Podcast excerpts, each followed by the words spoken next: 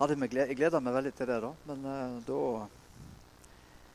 kom det et eller annet i halsen min som uh, jeg har ennå. Det er ikke korona. Jeg vet ikke hva det er.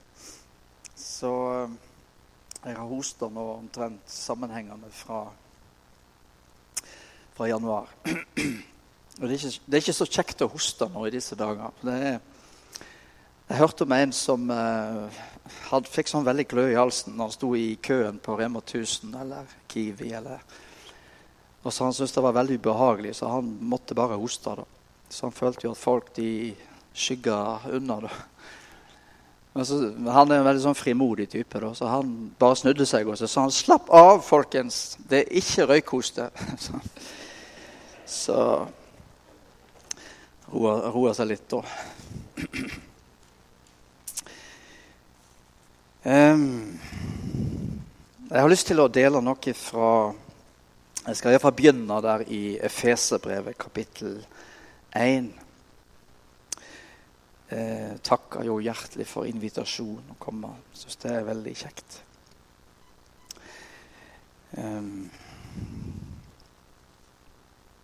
Og Vi har gått gjennom Efeserbrevet i høst på det bedehuset som jeg går. Og jeg tror det sitter litt igjen fra eh, den gjennomgangen vi hadde der. Men Efeserbrevet er iallfall et uh, helt fantastisk brev. Og det kalles for det, det høye brevet. Og Eh, jeg var så heldig å ha kapittel 1 da vi var tre stykk som gikk gjennom, hadde hver sitt kapittel. Så jeg var heldig å ha kapittel 1 og kapittel 4. da. Så, men det er så enormt mye som, altså, som står bare i det første kapittelet.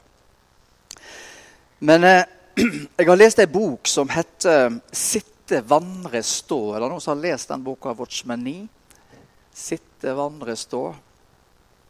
Og Der går han, eh, går han gjennom Efeserbrevet, og så har han den hva skal jeg si, de overskriftene. da. Og De første tre kapitlene i Efeserbrevet, da mener Watchmeni at da, det handler om å sitte. Og eh, Nå er jo jeg kommet opp i en alder så jeg syns det er utrolig deilig å sette seg ned. eh, komme hjem fra jobb. Jeg har kanskje stått hele dagen og komme hjem, og så er det så utrolig godt å bare sette seg i en stol. og Av og til så blir du sittende der til du går og legger deg. For det er bare så deilig å hvile og slappe av. Men eh, vi tenker jo ofte sånn eh, at vi jobber først, og så setter vi ned og hviler etterpå. Men eh, i, i, Guds rike så er det liksom litt snudd på hodet. Da, da begynner vi med å sitte. Og eh, Grunnen til at Watchmeni bruker, bruker den overskriften på de tre første kapitlene i Efeserbrevet, er fordi at de kapitlene handler om det Gud har gjort for oss gjennom Jesus. Og hva han har tilveiebrakt for den enkelte som vil tro.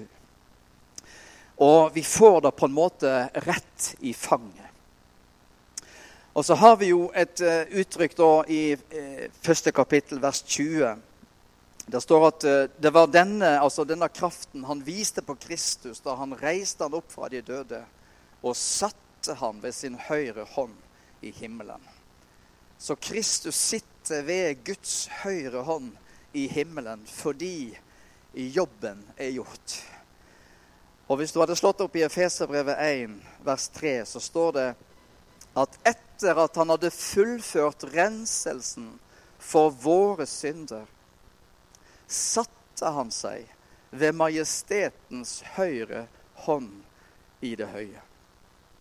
Så etter at Jesus gjorde jobben, for det var et stykke jobb han måtte gjøre Men etter han ropte det fullbrakt, etter han sto opp igjen fra de døde, så drog han til himmelen, og nå sitter han ved Faderens høyre hånd.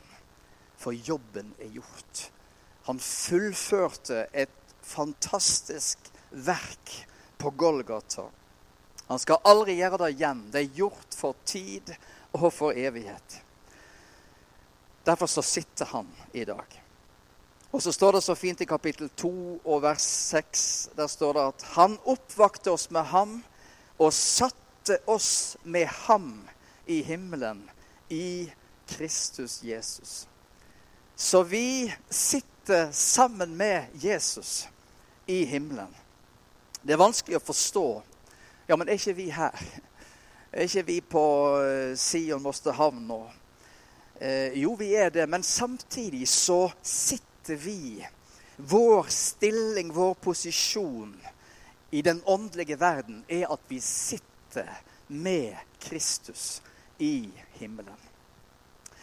Og Jeg må bare lese litt fra det første kapittelet. Det er jo eh, veldig veldige ting. Men eh, bare begynne å lese noen vers der, fra vers 3.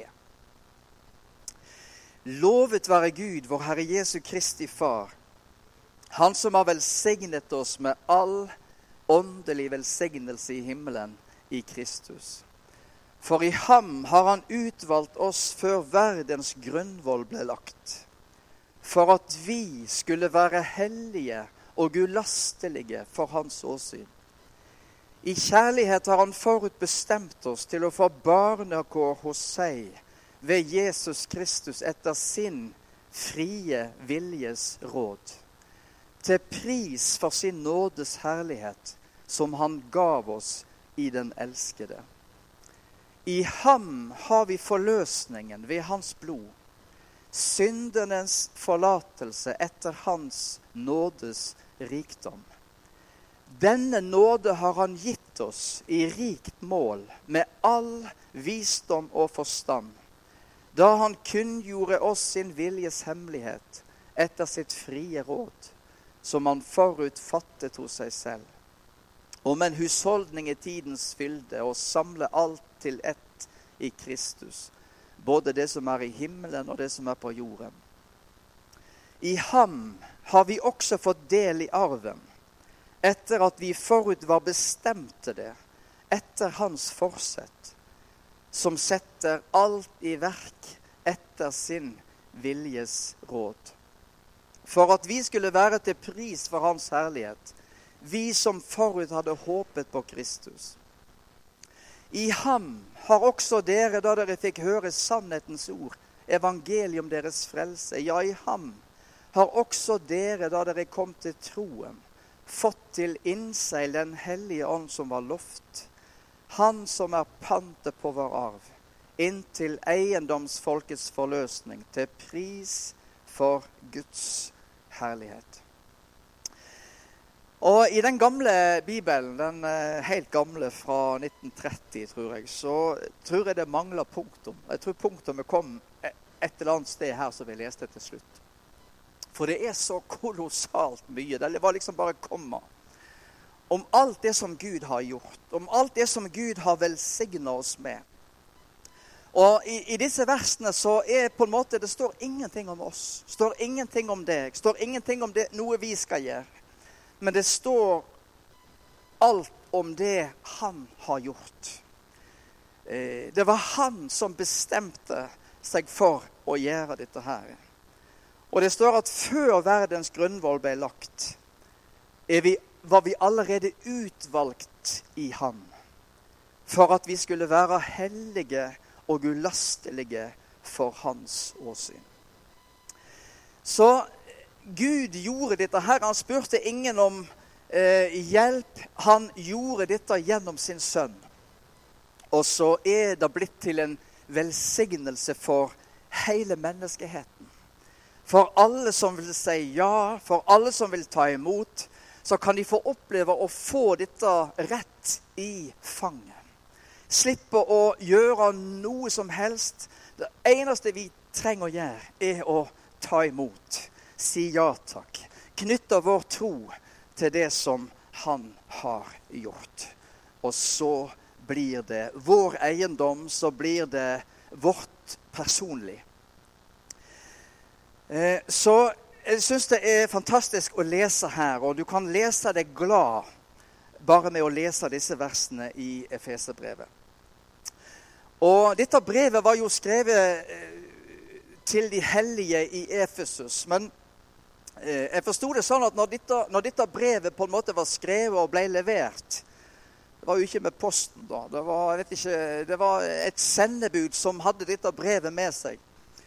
Og så hendte det at de kanskje gikk innom andre menigheter, og da leste de kanskje opp det brevet. Så Efeserbrevet ble kanskje lest i, i Kolossia-menigheten og i Filippa-menigheten. Og det, den ble lest flere steder. Så dette brevet er til alle de hellige. Ikke bare i Efesus og på den tida, men det er også til de hellige på Moster. Sion Mosterhavn i dag. Så dette er noe som vi kan ta til oss og glede oss over. Og så ser jeg at det er et uttrykk som er brukt mange ganger her i Efeserbrevet 1, og det er 'i Kristus'. I ham. I den elskede. Og hvordan kommer vi inn i Han? Jo, nå skal jeg lese et fantastisk vers. Første Korinterbrev 1,30. Der skriver Paulus at for det er Hans verk at dere er i Kristus Jesus. Han som for oss har blitt visdom for Gud, rettferdighet, helliggjørelse og forløsning. Så det er òg et verk av Gud. Det er hans verk at dere er i Kristus Jesus. Det var Gud som utvalgte oss i ham. Det var Gud som plasserte oss i Han. Så når Jesus gikk gjennom det som han gikk gjennom, så var vi egentlig med han og i han. Så Derfor så taler Bibelen om at når Jesus døde på Golgata, så døde vi med ham. Når Jesus sto opp igjen, så sto vi opp med ham. Og når Jesus drog til himmelen og satte seg ved Faderens høyre hånd, så er også vi med ham der. Vi er allerede satt i himmelen. Og det gjør at vår stilling og vår posisjon er fantastisk. Den er liksom så, den er så mye større enn akkurat det du føler nå. For det er, av og til så føler vi ikke så veldig. Spesielt om morgenene, tidlig på morgenen så føler jeg veldig lite. Jeg, eh, føler meg bare trøtt. og jeg er, ikke, jeg er, liksom ikke den som er så veldig sånn eh, Hva skal jeg si eh, Jeg er ikke sånn A-menneske, da. Eh, og jeg, jeg, hørte, jeg, hørte, en fortelling om en, en, predikant. Det var en svensk predikant. En veldig kjent Jeg, jeg kan ikke si navnet på men en, en veldig anerkjent predikant. Og han var også han var B-menneske til de grader. Så når det var kveldsmøte og etter møtet og utover natta, så var han i sitt ess. Men eh, om morgenen, når han sto opp, så var han ikke eh, Da likte han helst å være alene.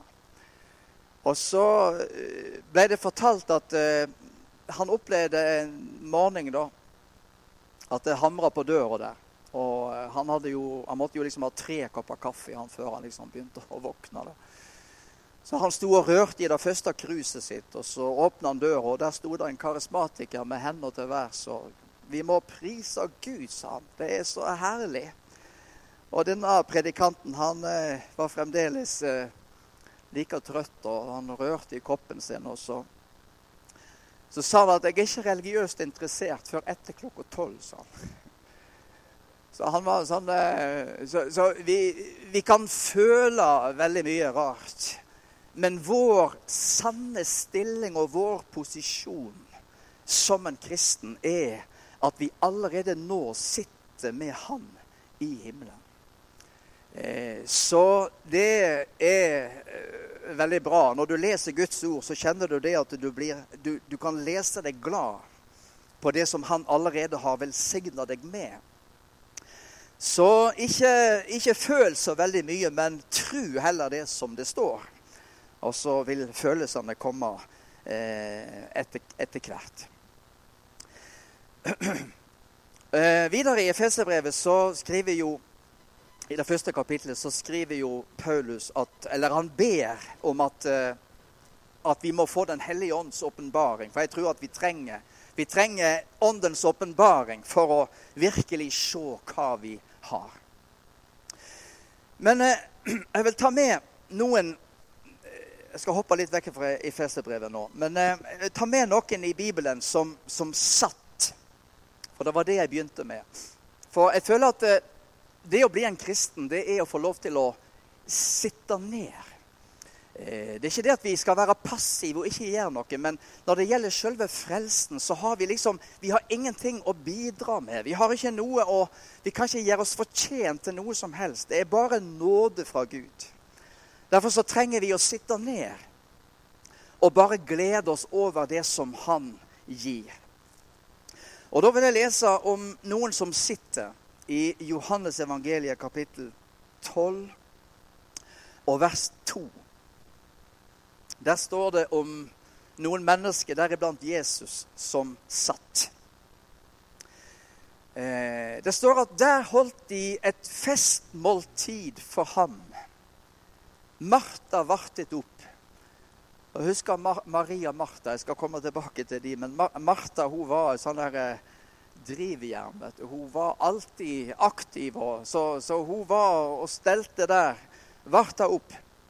Og så står det Og Lasarus var en av dem som satt til bords sammen med ham. Så Jesus var der, eh, Martha Maria var der, og en del andre. Og de hadde et festmåltid for Jesus. Men så står det her om Lasarus. Lasarus var en av de som satt til bords med han.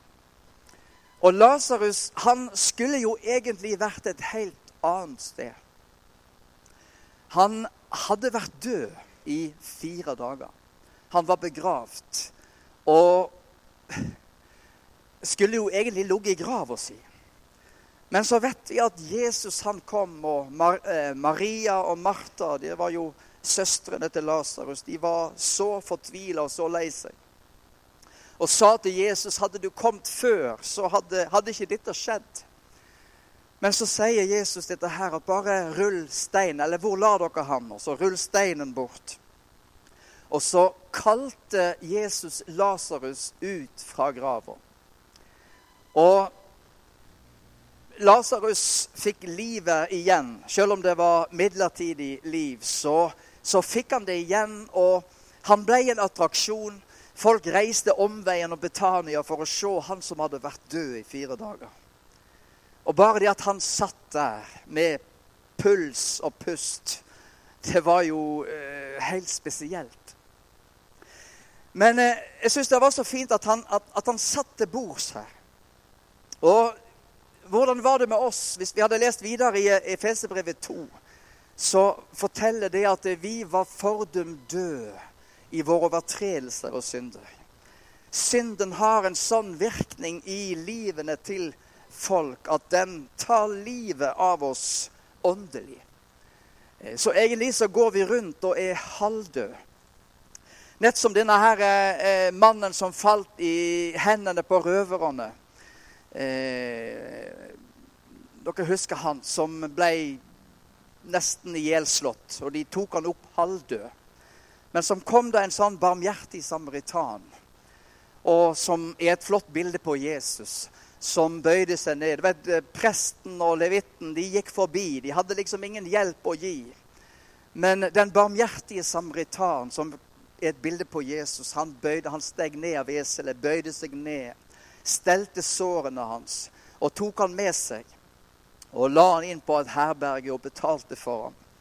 Så Jesus han har kalt oss ut av graven. Han har eh, vekt oss opp sammen med Jesus og gitt oss et nytt liv. Et åndelig liv som gjør at vi lever i vår ånd. Og vi har fellesskap med Han, vi har samfunn med Han. Og vi kan nyte av den velsignelsen det er å ha fellesskap med Gud, som er kjærlighet, som er fred, som er alt det som har positivt fortegn. Og så får vi lov til å sitte til bords med han. Lasarus, han, han, han, gjorde ingenting. Han, eh, det var ingenting han måtte gjøre, men han bare satt til bords sammen med ham. Og sånn føler jeg det er å få lov til å være en kristen.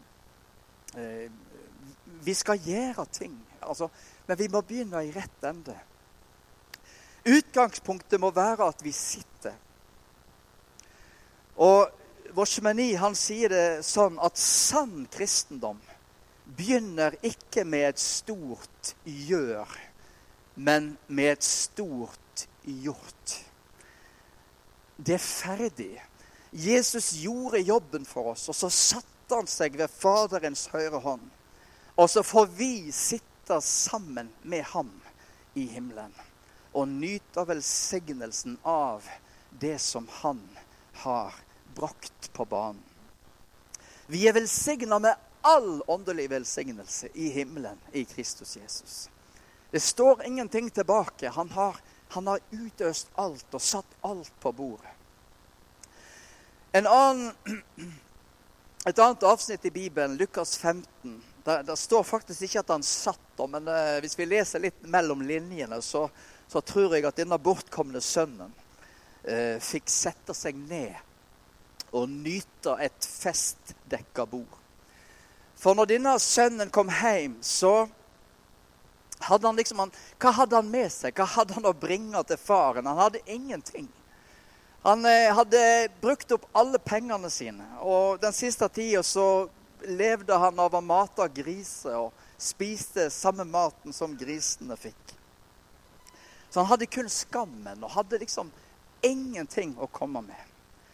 Så han var Jeg tror han var veldig usikker på hva skjer når jeg møter far. Han hadde jo bestemt seg for hva han ville si. Han ville si det at han hadde synda mot himmelen og mot han. Og så, han, så ville han spørre om å få være leiekar, om å få jobbe for faren. For han visste at de som jobber for faren, hadde det mye bedre enn han hadde det der. Men så vet vi at når han kom, så Eh, så møter han en far som antageligvis har vært ute og speida etter sønnen hver eneste dag, kanskje flere ganger om dagen, og venta på at han en dag skulle komme. Og så plutselig så kom han på veien, skitten og fæl, og full av skam og full av Han hadde liksom ingenting å, å sette fram. Og så, han, så møter han en, en, åpen favn, en far som slår hendene om ham og forteller hvor glad han er i ham. Og gleder seg over at han som var død, er blitt levende igjen. Og så sier faren at nå skal vi lage fest. Du skal få ring på fingeren, sko på føttene. Og så slakter vi gjøkalven, og så lager vi fest for deg. Og så skal vi alle sammen ete og være glade for det som har hendt. Så jeg ser for meg at denne sønnen han fikk bare sette seg ned, og så fikk han alt i fanget. Selveste gjøkalven, det beste de kunne servere, det beste de kunne slakte. Det ble servert denne sønnen. Og så, så tenker jeg på denne her broren hans, som du sikkert husker veldig godt. For, for den broren, han, han var liksom en annen type.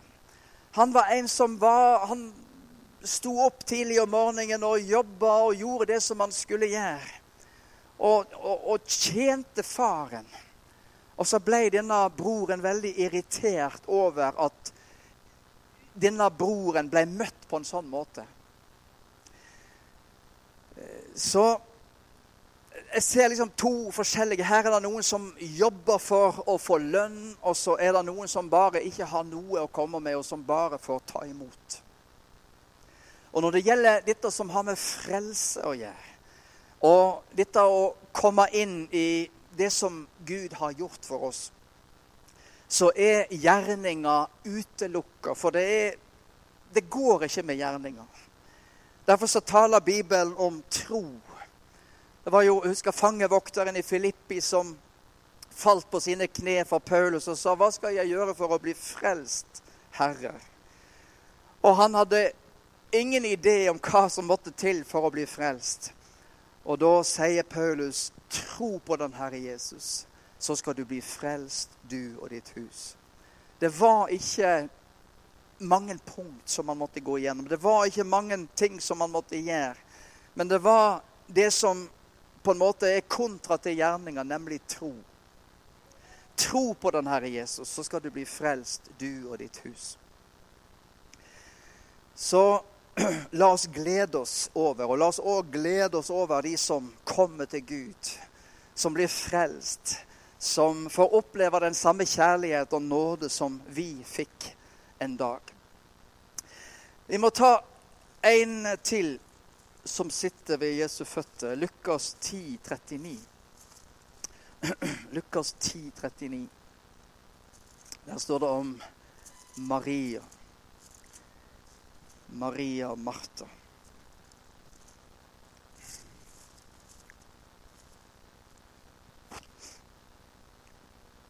Eh, vi kan lese fra vers 38 der. Mens de var på vandring, kom han, til, kom han, inn i en landsby, og en kvinne ved navn Martha tok imot ham i sitt hus. Hun hadde en søster som het Maria. Hun satte seg ved Jesu føtter og lyttet til hans ord. Så Martha og Maria de var også veldig forskjellige.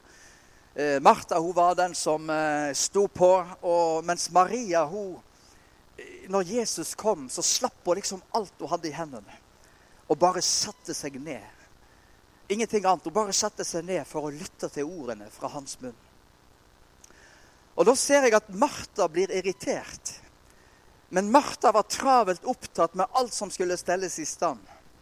Hun gikk da bort til dem og sa, 'Herre, bryr du deg ikke om at min søster har latt meg bli alene med å tjene deg?' Si da til henne at hun skal hjelpe meg. Så her ser jeg at, at Martha hun, hun følte det at eh, det Maria gjorde, det var helt feil. Her står jeg og har mange ting som skal på bordet, masse mat som skal lages til. Og så setter hun seg bare ned. Og så blir hun irritert. Og så føler hun at hun er alene om å tjene Jesus. Og Den følelsen kan vi sikkert ha hatt alle mann av og til. Men det er ikke en rett følelse å ha. Fordi at det å sitte ved Jesu føtter er det beste vi kan gjøre. Eh, vi, vi, vi, sitter ikke ned for å være passive, men vi sitter ned fordi det å lytte til Hans ord, det å bare høre hva Han har å si, er det viktigste vi kan gjøre som mennesker. Det vil gi oss den indre trygghet og fred og ro som vi trenger. Og som vi trenger å ha når vi skal ut for å tjene. Ut for å tjene Jesus, så trenger vi å ha dette her, den roen i vårt indre. Der vi kjenner at alt er vel med min sjel. At alt er bra. Mitt forhold til Gud er godt. Jeg gjør ikke ting for at, det, at Gud skal bli fornøyd. Men Gud er fornøyd med meg pga. det Jesus gjorde. Gud er fornøyd med meg pga. at Jesus hang på korset i mitt sted. Av at vi er satt inn i Han og har gått gjennom alt det Jesus gikk gjennom, så er Gud fornøyd med deg og meg. Og vi kan sitte ned og glede oss over og høre gode ord fra hans munn. Ikke ord som går på at du, du skulle ha gjort og du burde ha gjort, og hvorfor gjorde du ikke det? Men få høre at 'jeg elsker deg'. Jeg syns det er godt å være sammen med deg. Og jeg gleder meg over å se deg og høre din røst. Så la oss finne plassen, Mariaplassen, ved hans føtter. Sett oss ned for å ta imot det som han har å gi. Helt til slutt eh, en annen person i Bibelen, i Gamle testamentet. 2. Samuel eh, kapittel 9. Da der skal vi lese noen vers. Og denne mannen her, han var, han var lam. Han var lam i begge føttene, så han kunne jo ikke gå. Så han måtte sitte. Men hør hva det står her om Mefiboset i 2. Samuel 9. Og nå har David kommet på tronen i, i Israel. Og vi vet at Saul er drept. Og etter ei stund så vender David tilbake til slekta til Saul. Og så står det der i vers 3, 2. Samuel 9, 3. Da sa kongen, er det ikke ennå noen igjen av Sauls hus, så jeg kunne gjøre Guds miskunn imot ham? Siba svarte kongen, det er ennå en sønn av Jonathan, en som er lam i begge føttene. Eh, og kongen spurte ham, hvor er han? Og så hopper vi ned til vers 6. Og da Mefiboset, sønn av Jonathan, Sauls sønn, kom inn til David, kastet han seg ned med ansiktet mot jorden. Og David sa, Mefiboset, han svarte, Her er din tjener. David sa til ham, Vær ikke redd, jeg vil gjøre vel imot deg, for din far Jonathans skyld, og gi deg tilbake hele den jordeiendommen Saul, din far, eide og du skal alltid ete ved mitt bord. Så Jeg syns det er så fint her med David. Han, han, han leter etter noen han kan gjøre godt imot. Han leter etter noen som han kan velsigne. Og det var ikke, det var ikke av det Mefiboset hadde gjort. Nei, det var av Jonathan, eh, Sauls sønn, som David var så god venn med. Og det var av han at han ville velsigne noen ifra slekta hans. Og sånn er det òg med, med frelsen i Jesus Kristus. Det er noe som Gud har bestemt før verdens grunnvoll ble lagt. Før noen mennesker var født, så hadde Gud en plan om hvordan han ville velsigne. Hvordan han ville eh, eh sende Jesus. Og bringer inn sin velsignelse til menneskeheten. Og alt det som er ramsa opp i Efeserbrevet 1, er vårt. Vi har fått tilgivelse for synd. Vi har fått Den hellige ånd til pant og innseil. Vi har fått del i arven. Vi er utvalgt. Vi er satt i himmelen med Han. Alle disse tingene er noe som Gud har bare bestemt seg for at dette vil jeg velsigne dem med. Ikke pga. det du har gjort, har ingenting med det å gjøre. Men det har med Guds bestemmelse og med Guds kjærlighet og med Guds nåde å gjøre. Og denne Mefiboset, han, altså han kom bare inn der, og så fikk han alt dette her i fanget. Og så står det så fint der i vers 13 i, i kapittel 9. 2. Samuel 9, 13. Men selv bodde Mefiboset i Jerusalem, for han åt alltid ved kongens bord. Han var lam i begge føttene. Så Mefiboset han fikk alltid sitte ved kongens bord og spise den samme mat som kongen spiste. Han var lam, han var ute av stand til å stå. Han liksom, hadde ingenting å, å, bringe på banen. Men alt ble gitt han av bare nåde. Og derfor så kan vi glede oss. Vi kan prise Jesus og glede oss over det som er gitt oss. Det som han har velsignet oss med. Og så har jeg tro på en vandring. Jeg har tro på å tjene. Jeg har tro på å leve for Jesus og tjene Han. Jeg har tro på ferdiglagte gjerninger som Gud har lagt ferdig for oss, for at vi skal gå inn i dem. Og Det var en som sa det at det er nett som et halvfabrikat. Gud har gjort de ferdig. Han har på en måte gjort sin del for at vi skal gå inn i dem og gjøre resten. Men alt har utgangspunkt at vi sitter med Jesus.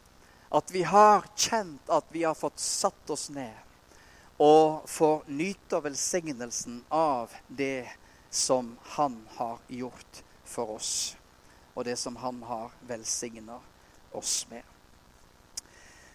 Og dette er bunnsolid. Det er noe som, som står, og som er sikkert. Midt i en verden som er eh, usikker, det er nød, det er ikke bare rykte om krig, det er krig, så er det noe som er sikkert, og det er det som Jesus har gjort for oss. Uansett hva som skjer, så står det fast. Frelsen står fast, nåden står fast. Invitasjonen til alle mennesker står fast. Hver den som vil, kan komme og ta livets vann uforskyldt. Av bare nåde. Eh, ta imot. Åpne sitt hjerte og bare kjenne at en blir velsigna ifra himmelen. Jeg takker deg, Jesus. Jeg priser deg, for eh, du er så god. Du er bare god. Og Jesus, jeg takker deg for at eh, vi har fått nåde til å si ja til deg. Selv om vi kjente at det var kamp. Jeg merka fienden han eh, jobba for livet for at ikke dette skulle bli mitt.